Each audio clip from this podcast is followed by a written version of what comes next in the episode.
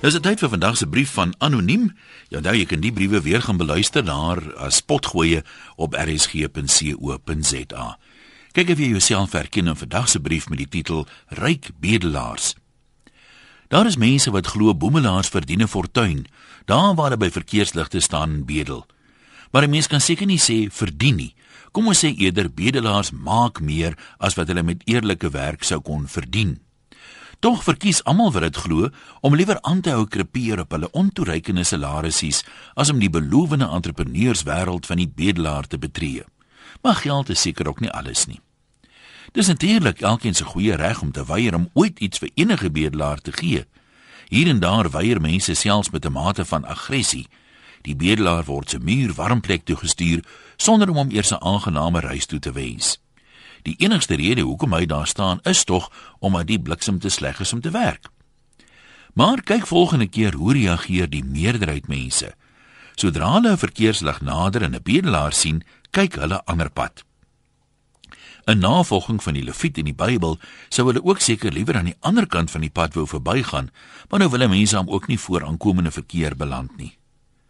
Het jy ook al gewonder hoekom die meeste mense tot elke prys oogkontak met bedelaars probeer vermy? Dis byna of hulle skaam is om 'n bedelaar in die oë te kyk. Maar as 'n mens hard gewerk het vir alles wat jy het, soos almal tog glo hulle het, hoef jy nie daaroor skaam te voel nie of hoe.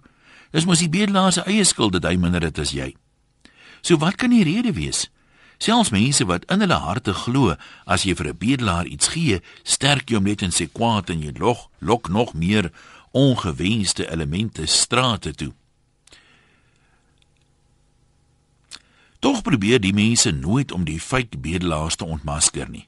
Dis dikwels selfs vir gesoute akteurs moeilik om hulle konsentrasie te behou as hulle te lank oogkontak maak met iemand in die voorste ry van die teater.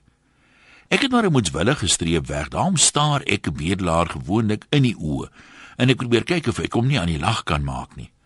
Tot dusver kon ek dit nog nie eintlik reg kry nie, maar dalk staar ek net nie hard genoeg nie.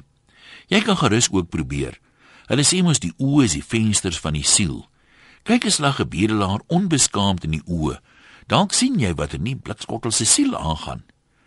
En as die ekonomiese skoen regtig begin druk, wie weet, dalk moet ons tog oorweeg om die spreekwoordelike skoen aan te trek, ons skoene uit te trek en sorgvry en kaalvoet te begin bedel.